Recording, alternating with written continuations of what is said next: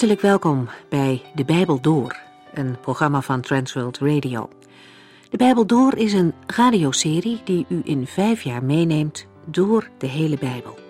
Van Genesis 1 tot Openbaring 22.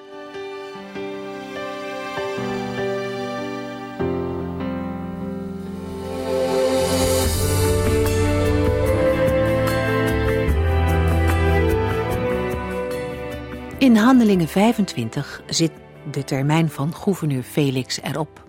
Hij heeft Paulus regelmatig gesproken, maar besluit hem gevangen te laten zitten om de Joden ter wille te zijn. Gouverneur Felix wordt opgevolgd door Festus. Die begint zijn nieuwe baan met een bezoek aan Jeruzalem. En meteen komen de Joodse tegenstanders van Paulus in actie. Ook al is het inmiddels twee jaar later en zit Paulus nog steeds gevangen, de tegenstanders worden nog steeds beheerst door de gedachte dat Paulus dood moet. En nu vragen ze opnieuw om de uitlevering van Paulus naar Jeruzalem en hun verborgen motief is dat zij hem dan onderweg in een hinderlaag willen doden.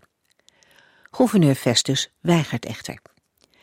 Hij nodigt de Joodse vertegenwoordigers uit om met hem mee terug te reizen naar Caesarea. Daar wil hij een ordelijk proces voeren, waar de beschuldigde de gelegenheid krijgt om de aanklacht te weerleggen. De Joden komen opnieuw met zware maar onterechte beschuldigingen die Paulus op zijn beurt ontkent. Festus laat Paulus echter niet vrij bij gebrek aan bewijs. Hij stelt hem voor de keuze om naar Jeruzalem te gaan voor een rechtszaak. Maar Paulus weigert. Hij heeft geen enkele reden om aan te nemen dat hij daar een eerlijk proces kan verwachten. Ongetwijfeld zal hij snel de doodstraf krijgen. Bovendien, zegt Paulus, ik heb de Joden niets misdaan en dat weet u zelf ook heel goed. En daarom wil ik niet bij wijze van gunst aan de Joden worden uitgeleverd. Ik ga in hoger beroep bij de keizer. En die toestemming krijgt Paulus. Zo komt het woord van de Heere uit. Enkele hoofdstukken eerder zagen we dat de Heere zelf Paulus nachts bemoedigde met de belofte dat hij ook in Rome zou getuigen. Overigens is dat al wel een paar jaar geleden. En al die tijd zat Paulus gevangen en het leek er niet op dat hij toch in Rome terecht zou komen. Laten we verder gaan. Handelingen 25 vanaf vers 22.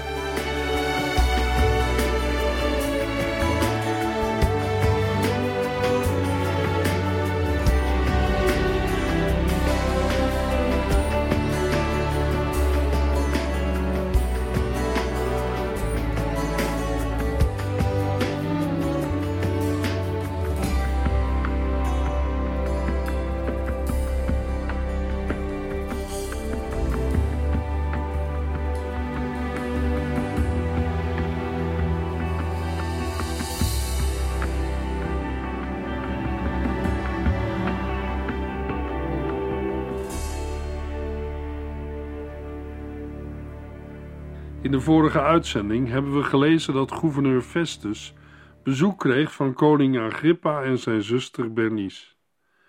Ze komen Festus geluk wensen met zijn benoeming als gouverneur. Bernice is een dochter van koning Agrippa I en daarmee de zuster van de genoemde Agrippa II. Zij is ook de zuster van Drusilla, de vrouw van Felix. Bernice was sinds het jaar 48 na Christus de weduwe van Herodes van Galsis, die een oom van haar was. Daarna was ze gehuwd geweest met koning Polemon van Cilicië, maar ze had hem verlaten om met haar broer te gaan samenleven. Over de verhouding tussen Agrippa en Bernice, broer en zus, werd tot in de hoofdstad Rome schande gesproken. Uiteindelijk is Bernice een aantal jaren later de matresse van keizer Titus geworden.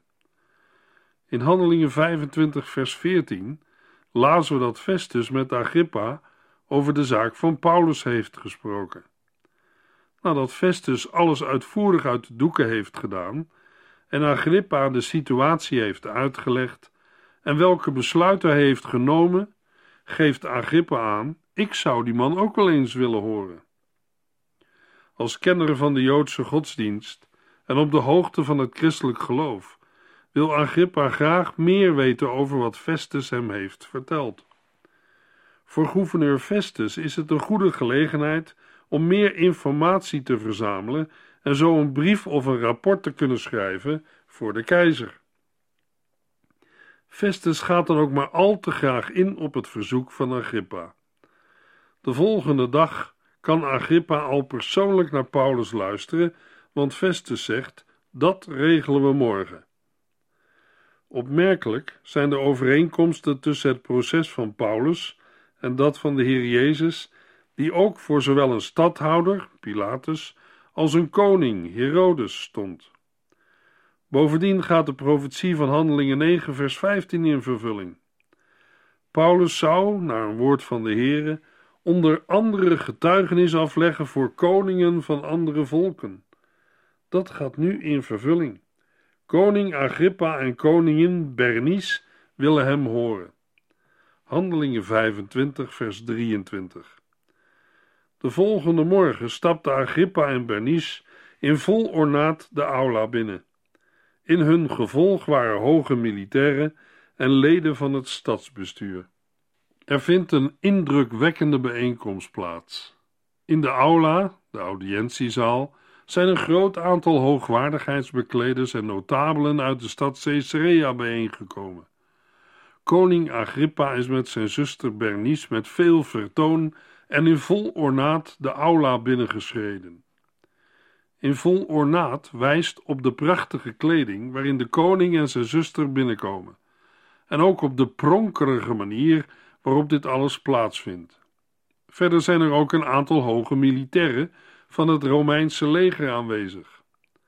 Volgens de geschiedschrijver Flavius Josephus waren in Caesarea vijf cohorten gelegerd, elk met een eigen tribuun, een commandant over duizend soldaten. Ook de burgerij van Caesarea is vertegenwoordigd. Een aantal prominente, vooraanstaande mannen van de stad is uitgenodigd.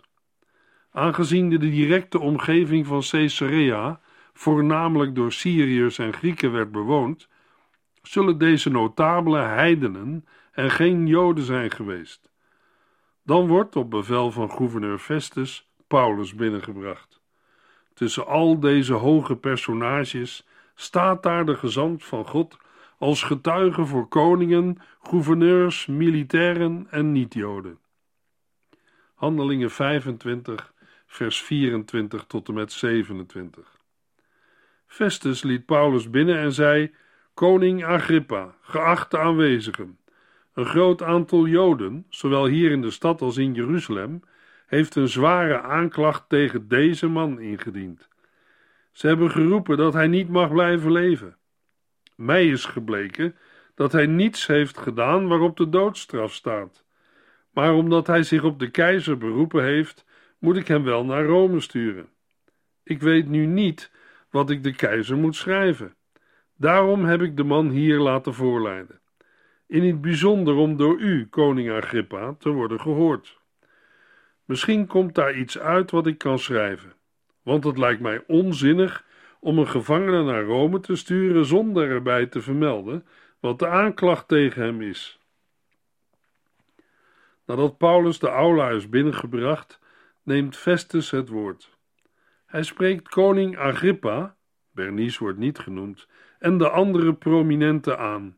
Wijzend op de apostel Paulus zegt Festus dat dit de man is over wie zoveel te doen is. Zowel in Jeruzalem als hier in Caesarea hebben de Joden zich tot Festus gewend om hem duidelijk te maken dat Paulus niet langer moet blijven leven. Dit laatste is een nieuw aspect, maar ligt wel in de lijn van wat de Joodse leiders willen. Daarnaast is het mogelijk dat Festus de zaak een beetje overdrijft om meer indruk te maken op de aanwezige hoogwaardigheidsbekleders. De aanduiding de Joden is strikt genomen niet juist. Het waren de Joodse leiders die zo spraken. Maar Festus zal hen als vertegenwoordigers van het volk hebben gezien. Net als zijn voorganger, gouverneur Felix, moet Festus vaststellen dat zijn gevangene niets had gedaan op grond waarvan hij de doodstraf verdient. Waarom hij de apostel dan niet heeft vrijgelaten, geeft hij in het tweede gedeelte van vers 25 aan. Paulus heeft zich beroepen op zijn majesteit de keizer. Festus heeft dat beroep na overleg met zijn adviseurs voor ontvankelijk verklaard en besloten om Paulus naar Rome over te brengen, om daar voor de keizer terecht te staan. Wat gouverneur Felix ook nu weer verzwijgt, is dat hij de Joden een gunst had willen bewijzen en dat terwijl hij van Paulus' onschuld overtuigd was geraakt. Na deze inleidende woorden tot de aanwezigen wendt Festus zich nu in het bijzonder tot koning Agrippa. Als Festus de gevangenen naar Rome laat overbrengen, moet hij in een begeleidend schrijven de keizer laten weten waarom de gevangenen wordt overgebracht. Maar Festus heeft geen concrete beschuldigingen. Daarom hoopt hij dat koning Agrippa hem behulpzaam kan zijn wanneer Agrippa Paulus heeft gehoord. De Griekse grondtekst maakt duidelijk dat de keizer in deze versen Curios, dat betekent heer, wordt genoemd. Een titel die rond het jaar 40 na Christus onder keizer Caligula in gebruik is gekomen. Het is de Griekse vertaling van het Latijnse woord dominus, dat ook heer betekent. Met deze titel werd de keizer als absolute alleenheerser getypeerd. In het Nieuwe Testament is Curios, Heer, meestal de titel van de Heer Jezus. Voortdurend maakt Lucas melding van het feit dat, net als in het proces tegen de Heer Jezus, zowel de Joodse als de Romeinse overheid geen schuld heeft vastgesteld of bewezen tegen de aangeklaagde. Het is toch absurd dat er geen duidelijke aanklacht of beschuldiging voor de keizer kan worden geformuleerd. Daarom besluit Festus zijn inleidende woorden met de hoop uit te spreken dat de koning hem van dienst kan zijn bij het formuleren van strafbare feiten. Agrippa is immers een kenner van de Joodse godsdienst en hem zullen dingen opvallen die gouverneur Festus zijn ontgaan. Dat Festus in een moeilijk parket zit is duidelijk, al moeten we ook zeggen dat hij zelf de oorzaak van zijn eigen probleem is. Hij is overtuigd van Paulus' onschuld, maar laat hem niet vrij. Wat moet hij nu aan de keizer schrijven en hoe kan hij tegelijkertijd de Joden te vriend houden?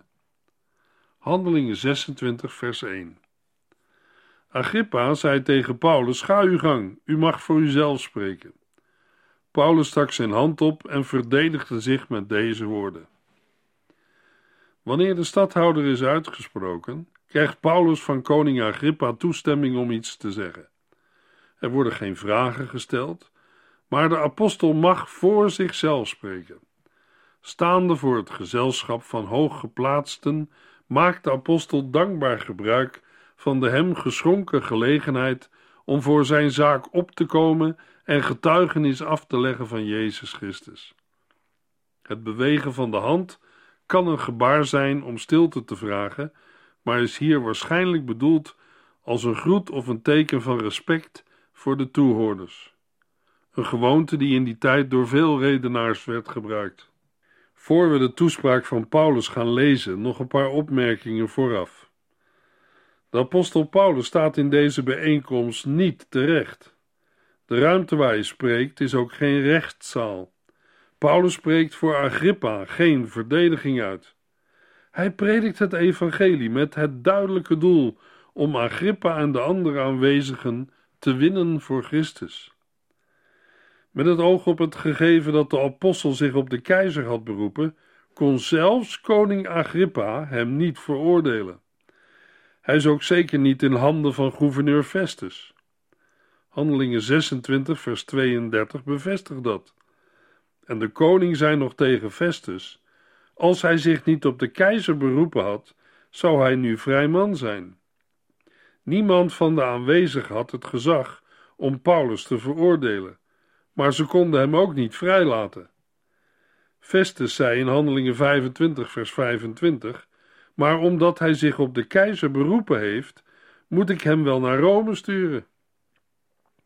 Dit was geen rechtszaak, maar een bijeenkomst in het openbaar met hoge regeringsleiders, bestuurders en militairen.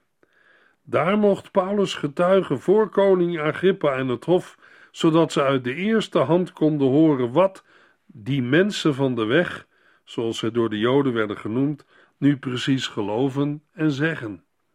Ja, het was wel een gelegenheid die met wereldse pracht en praal was gevuld en omgeven. Het leek meer op een staatsbezoek van een koning en was omgeven met muziek en blazen op trompetten en bazuinen. De wanden van de aula waren versierd met kostbare wandtapijten, overal blonk goud en zilver.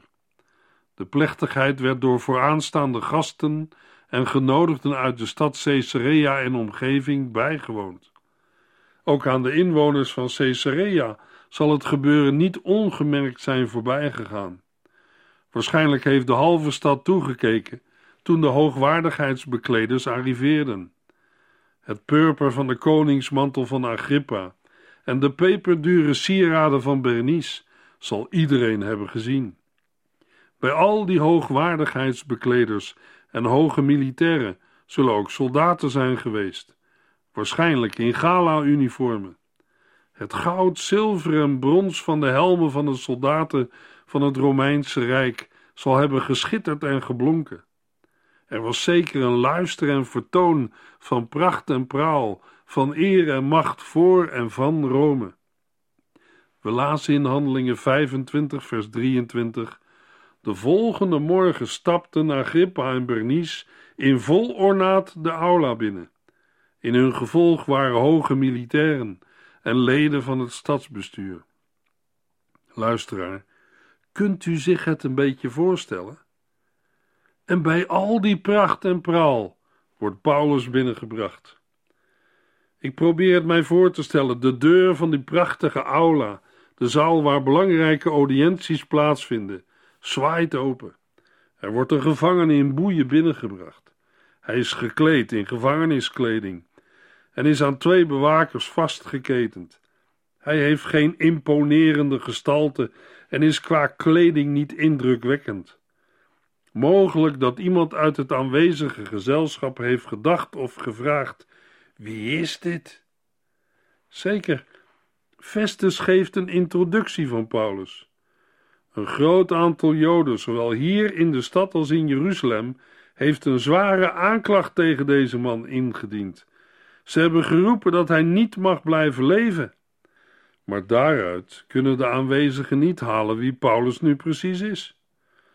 De toehoorders zullen het wel gaan ontdekken. Want Paulus is de man die de dood, de begrafenis en de opstanding van Christus aan mensen verkondigt, omdat ieder mens van nature zijn of haar doel heeft gemist. Een ander woord voor zondaar is doelmisser. Alle mensen zijn zondaars en hebben een redder nodig. En de boodschap van de mensen van deze nieuwe weg is dat de redder Jezus Christus is. Paulus is de man die met gezag kan spreken over Christus als de nieuwe weg voor Joden en niet-Joden.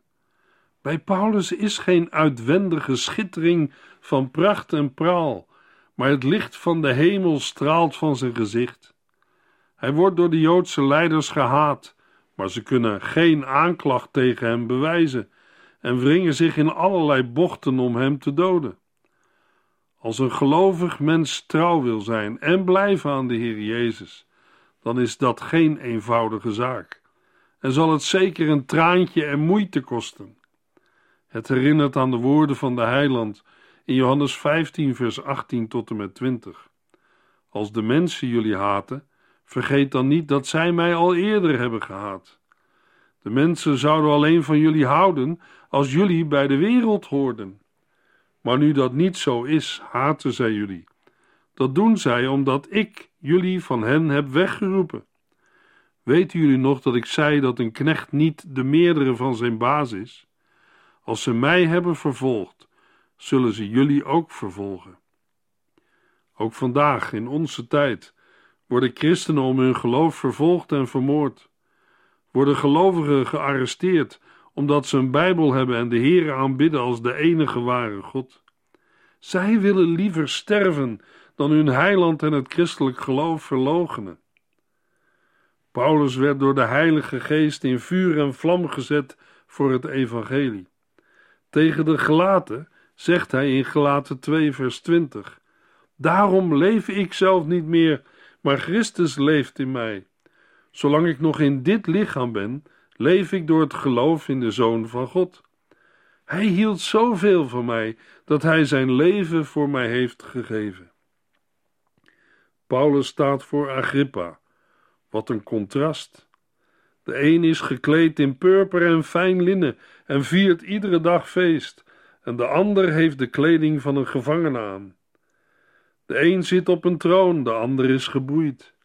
De ene draagt een kroon en de ander is met kettingen geketend. Agrippa is koning, maar slaaf van de zonde. Paulus is een geboeide gevangene die zich verheugt in de vrijheid, omdat zijn zonden zijn vergeven en hij de vrijheid in Christus heeft.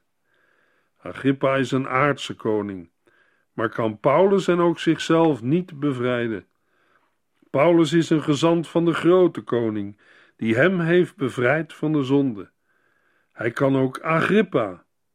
Hij kan ook u, luisteraar, bevrijden van de veroordelende macht en gevolgen van de zonde. Is het met Agrippa dan zo erg gesteld? Helaas wel. In wezen is het met ieder mens die zonder God door het leven gaat ernstig gesteld. Agrippa maakt deel uit van de familie van Herodes. Hij hoort bij een van de meest decadente en vrede families van die tijd. Misschien is de familie van Herodes wel de meest foute familie die in de Bijbel wordt genoemd. Vergeleken met hen zijn bijvoorbeeld Agap en Izebel uit het Oude Testament een stel lievertjes. Agrippa was een intelligent man en is, ondanks zijn achtergrond, in veel opzichten van grote betekenis geweest. Hij kende de wet van Mozes. Dat wil zeggen, hij kende de inhoud, maar leefde er zelf niet naar. Paulus zegt in Handelingen 26, vers 3: U bent zeer goed op de hoogte van de gebruiken en geschilpunten onder hen. Hij kreeg de gelegenheid om tot een man te spreken die op de hoogte was van de Joodse gebruiken, en die dan ook, als geen ander, de aard van de aanklachten kon begrijpen. Uit vorige verhoren was het voor Paulus wel duidelijk geworden dat geen van de ondervragers ten volle begreep wat de achtergronden van de beschuldigingen tegen Paulus waren. Daarnaast waren van al die mensen maar weinigen die ook het evangelie van Jezus Christus begrepen. Het is verbazend dat al deze mensen in het gebied waar alles zich heeft afgespeeld hebben gewoond, kennis hebben gemaakt met christenen, de apostel Paulus meerdere malen hebben gehoord en de boodschap van het evangelie toch niet hebben begrepen en geloofd. Luisteraar, dat is vandaag nog steeds mogelijk. Een mens kan met het geloof zijn opgegroeid. Je hebt het van huis uit meegekregen, mogelijk al heel vaak gehoord, en toch heeft het u niet gegrepen. Het kan zelfs zo zijn dat u nooit meer in de kerk komt. Hoe kan een mens vandaag dan weer de draad oppakken? Kan dat wel? Ja, dat kan. Misschien moet hij of jij weer eens naar een kerk toe. Ja, ze zien mij al aankomen. Nou ja, dat hoop ik ook, dat ze dat wel zien. En u vertellen dat de Hemelse Vader blij is met uw komst. Net als de vader in de gelijkenis van de verloren zoon uit Lucas 15. Paulus gaat Agrippa toespreken. Het wordt een pleidooi voor Christus en een oproep aan een ieder om zich naar Christus te keren en in Hem te gaan geloven. Paulus noemt het een verdediging, maar het is meer. Het is een uitleg van het Evangelie, de blijde boodschap van Jezus Christus voor Agrippa en alle andere aanwezigen. Handelingen 26, vers 2 en 3. Ik ben blij, koning Agrippa, dat ik mij vandaag voor u mag verdedigen tegen alles waarvan de Joden mij beschuldigen. U bent zeer goed op de hoogte van de gebruiken en geschilpunten onder hen. Wilt u daarom zo vriendelijk zijn mij geduldig aan te horen? Paulus spreekt tot een man die begrijpt waarover hij praat. Agrippa is een intelligent man, hij kent de wet van Mozes en hij kent de Joodse achtergrond. Paulus verheugt zich erover dat hij de gelegenheid krijgt om zich voor Agrippa te verdedigen. Hij zal de ware aard van de zaak begrijpen.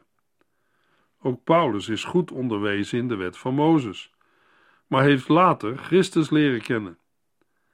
Daarna kreeg de wet een nieuwe betekenis voor hem. Paulus is vol van een nieuw licht. Hij heeft ingezien dat Christus het einde van de wet is. Zonder Christus wordt niemand rechtvaardig voor God. De toespraak van Paulus voor Agrippa is niet te vergelijken met zijn toespraak op de Areopagus. Waarschijnlijk zijn er een paar honderd mensen aanwezig in de aula. Ook zij zullen de boodschap horen. Toch spreekt Paulus in eerste instantie maar tot één man, koning Agrippa. Hij probeert Agrippa voor Christus te winnen. Na de hoffelijke introductie geeft Paulus aan hoe blij hij is met deze gelegenheid. Daarna geeft hij de koning een korte impressie van zijn jeugd en achtergrond. Vanuit zijn achtergrond en activiteiten komt Paulus tot de ontmoeting met Christus en zijn bekering. Aan het eind van zijn toespraak doet Paulus een poging om Agrippa voor Christus te winnen. In vers 28 horen we Agrippa zeggen: Wacht eens even, u denkt toch niet dat u zomaar even een christen van mij kunt maken? Het is goed en zinvol om het getuigenis van Paulus een aantal keren in zijn geheel te lezen. Handelingen 26, vers 4. Alle Joden weten hoe ik heb geleefd. Zij kennen mij van jongs af aan. Ik heb mijn opvoeding eerst in Tarsus en later in Jeruzalem genoten. Het getuigenis van Paulus' bekering en roeping tot apostel wordt in het boek Handelingen drie keer vermeld. In hoofdstuk 9 vertelt Lucas over Paulus' ommekeer. In hoofdstuk 22 en hier is het Paulus zelf die daarvan verslag doet. De apostel begint zijn verdediging met iets te vertellen over zijn leven. Vanaf zijn prille jeugd heeft hij te midden van zijn volksgenoten geleefd. Op welke leeftijd Paulus met of zonder zijn ouders naar Jeruzalem is geëmigreerd, blijft onduidelijk. Maar het is zeker dat hij destijds in Jeruzalem geen onbekend persoon was. In de volgende uitzending lezen we verder in Handelingen 26 en luisteren naar het getuigenis van Paulus.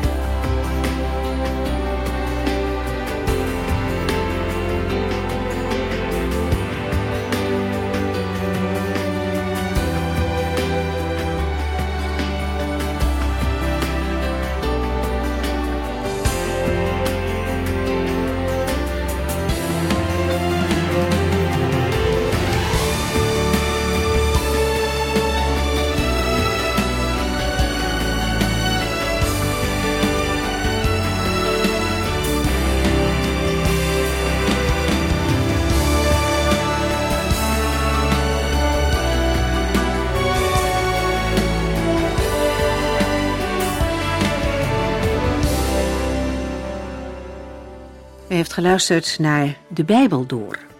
In het Nederlands vertaald en bewerkt door Transworld Radio. Een programma waarin we in vijf jaar tijd de hele Bijbel doorgaan. Als u wilt reageren op deze uitzending of u heeft vragen, dan kunt u contact met ons opnemen. Tijdens kantooruren kunt u bellen op 0342 47 8432.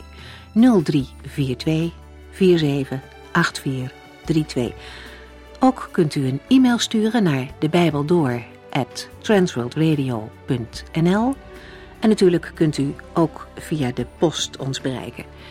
TWR, postbus 371, postcode 3770, AJ in Barneveld. Dit programma werd gepresenteerd door Cor Weda en Ike André. Techniek was in handen van Odin van Woerdekom. En wij allemaal bedanken u voor het luisteren. Graag tot de volgende keer.